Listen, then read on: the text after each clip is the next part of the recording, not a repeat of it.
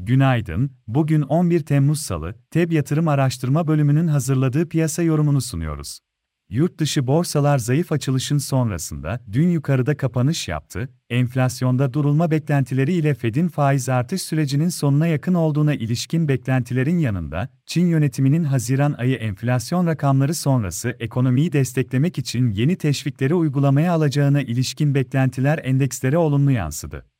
Amerika tarafında dün S&P endeksi %0.2, Nasdaq endeksi %0.18 yükseldi, Avrupa borsalarında %0.5'e yakın değer artışı gerçekleşti, Fed'e yönelik beklentilerle dolar endeksi ve Amerika tahvil faizleri geriledi, ons altın fiyatı yükseldi.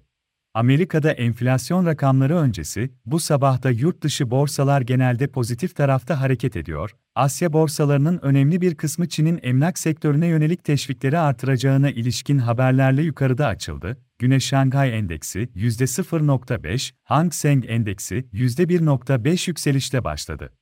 Amerika endeksleri vadeli tarafta hafif yukarıda, Avrupa borsalarının da güne yukarıda başlaması bekleniyor.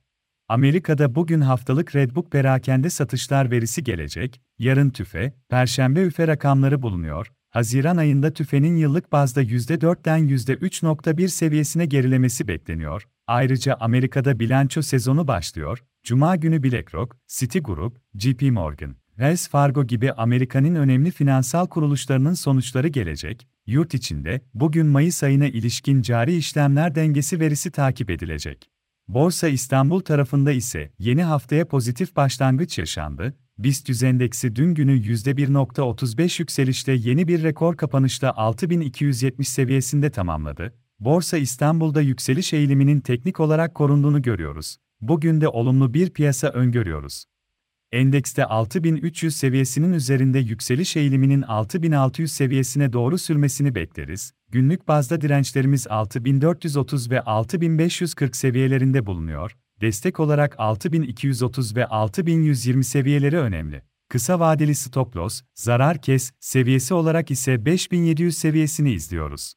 Hisse tarafında ise endekste yükselen hareket içinde teknik olarak kısa vadeli alım yönünde Alkim Kağıt, Alkim Kimya, Aselsan, Bimaş, Dispek Bilgisayar, Emlak Gayrimenkul, Enka İnşaat, Europap Tezol, Polisan Holding, Türksel, Türk Hava Yolları, Türk Telekom hisselerine bakılabilir. Piyasaları değerlendirmeye devam edeceğiz. TEB yatırım olarak herkese iyi bir gün dileriz.